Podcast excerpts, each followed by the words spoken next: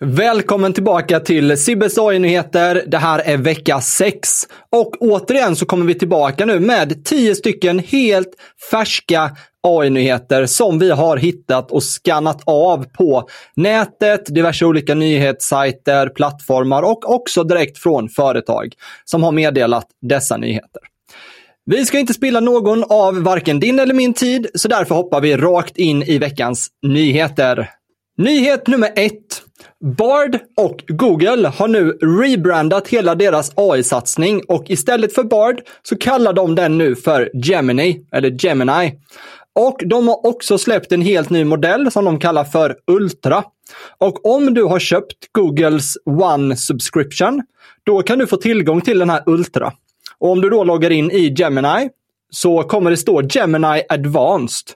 Och det har gjorts mängder med tester på de här modellerna nu. Men det visar sig ändå i alla tester att GPT-4 har bättre prestanda. Den svarar bättre, mer konkret.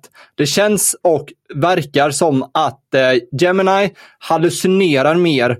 Men däremot så har Gemini en väldigt stor fördel och det är att den är mycket, mycket snabbare på att svara. Så det ska faktiskt Gemini ha, men det verkar som sagt som att GPT-4 är mycket bättre och svarar mer korrekt.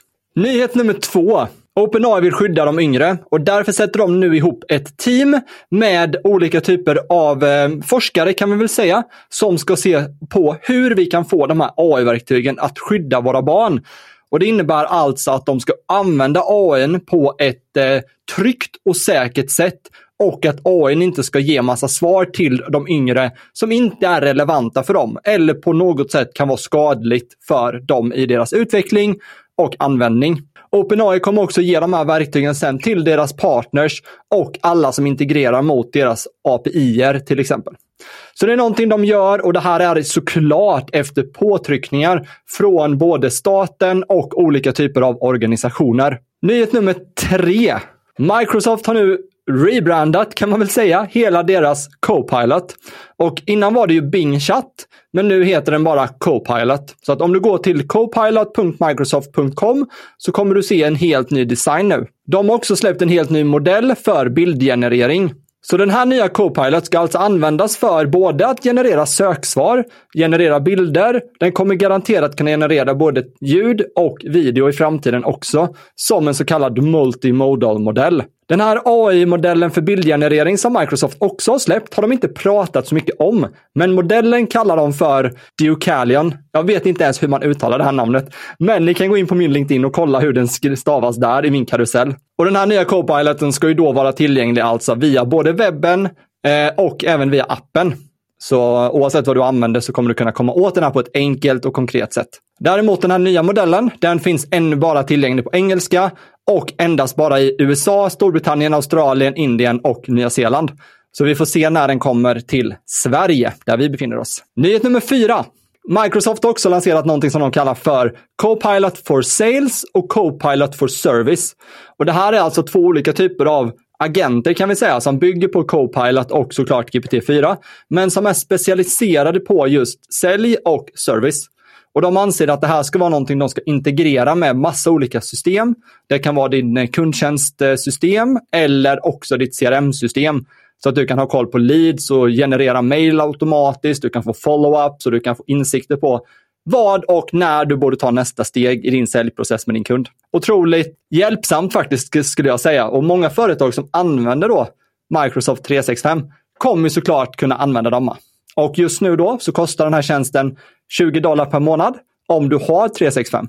Annars kan man köpa den som en eh, fristående tjänst och då kostar den 50 dollar per användare och månad. Nyhet nummer fem. OpenAI har nu gått ut och sagt att de ska vattenstämpla sina bilder som genereras med hjälp av DAL-I. Och det här gör de ju med hjälp av metainformation i bilden.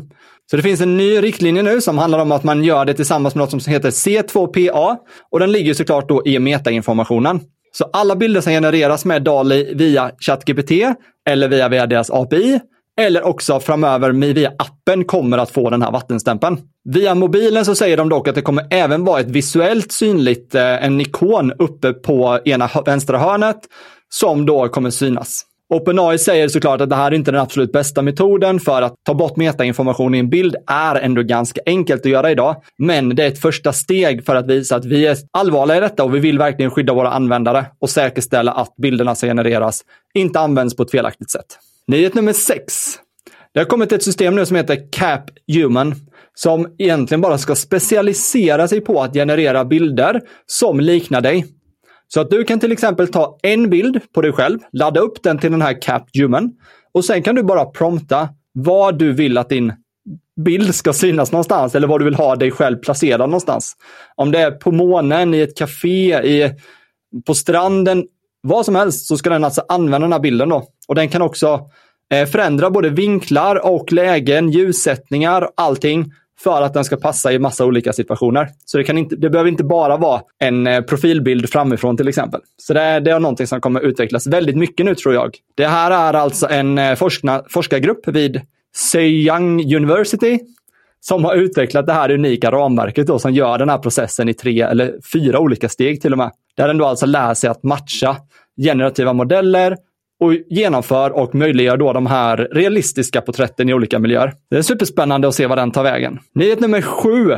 Hugging Face, som du kanske känner till, är ju en öppen plattform som lanserar nya AI-modeller på löpande band egentligen och massa olika modeller man kan testa helt gratis. Och nu har Hugging Face gjort det igen. De har lanserat en egentligen utmanare till OpenAIs GPT där de låter användaren skapa en custom GPT, men du kan välja helt valfritt vilken modell du vill jobba med på Hugging Face-nätverket.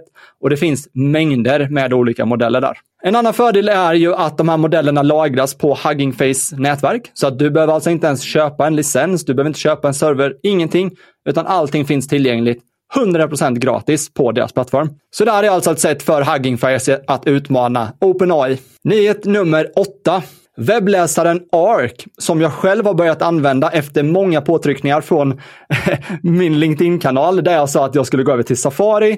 Men många sa att du borde testa Arc och det har jag gjort nu. Och nu använder jag 100% Arc-browsern. Den har många AI-funktioner, men nu har den kommit med en uppdatering till. Så Arc kallar sina AI-tjänster för Max som man kan aktivera in i inställningarna. Och det den gör nu egentligen är att den browsar sidor åt dig helt automatiskt. Så det innebär att det räcker med att du antingen håller över en länk, alltså du havrar över den, så kan du få en automatiskt genererad webbsida anpassad för dig och den lär ju känna dig och ditt behov helt enkelt. Så det är vad den vill göra. Och det här kommer också påverka då sökbeteende, det kommer påverka SEO och trafik och liknande.